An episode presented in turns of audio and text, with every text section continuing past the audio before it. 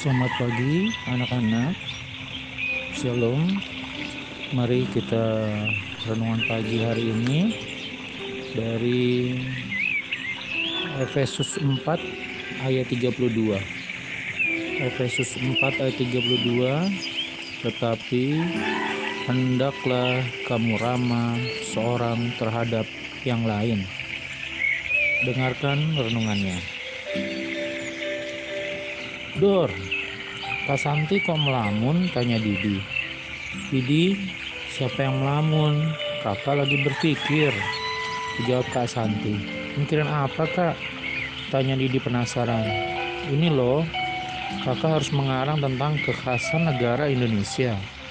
Jawab Kak Santi. Oh begitu.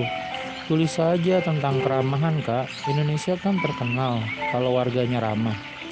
Kata Didi memberi ide kepada Kak Santi. Oh iya, kamu benar. Terima kasih Didi, jawab Kak Santi. Anak-anak sekalian, apakah kita sudah menjadi anak yang ramah? Sering senyum, menyapa, sopan, dan menolong orang lain? Renungkan hal ini. Tuhan meminta kita untuk bersikap ramah Mari kita baca Efesus 4 ayat 31 dan 32. Paulus memberikan nasihat kepada jemaat di Efesus untuk bersikap ramah seorang terhadap yang lain. Sebagai orang yang telah percaya kepada Tuhan Yesus, hidup mereka harus menyatakan kasih. Anak-anak, sebagai orang yang juga percaya kepada Tuhan Yesus, mari kita hidup sesuai dengan yang Tuhan inginkan. Mari menyatakan kasih dengan bersikap ramah terhadap orang lain. Amin. Mari kita berdoa.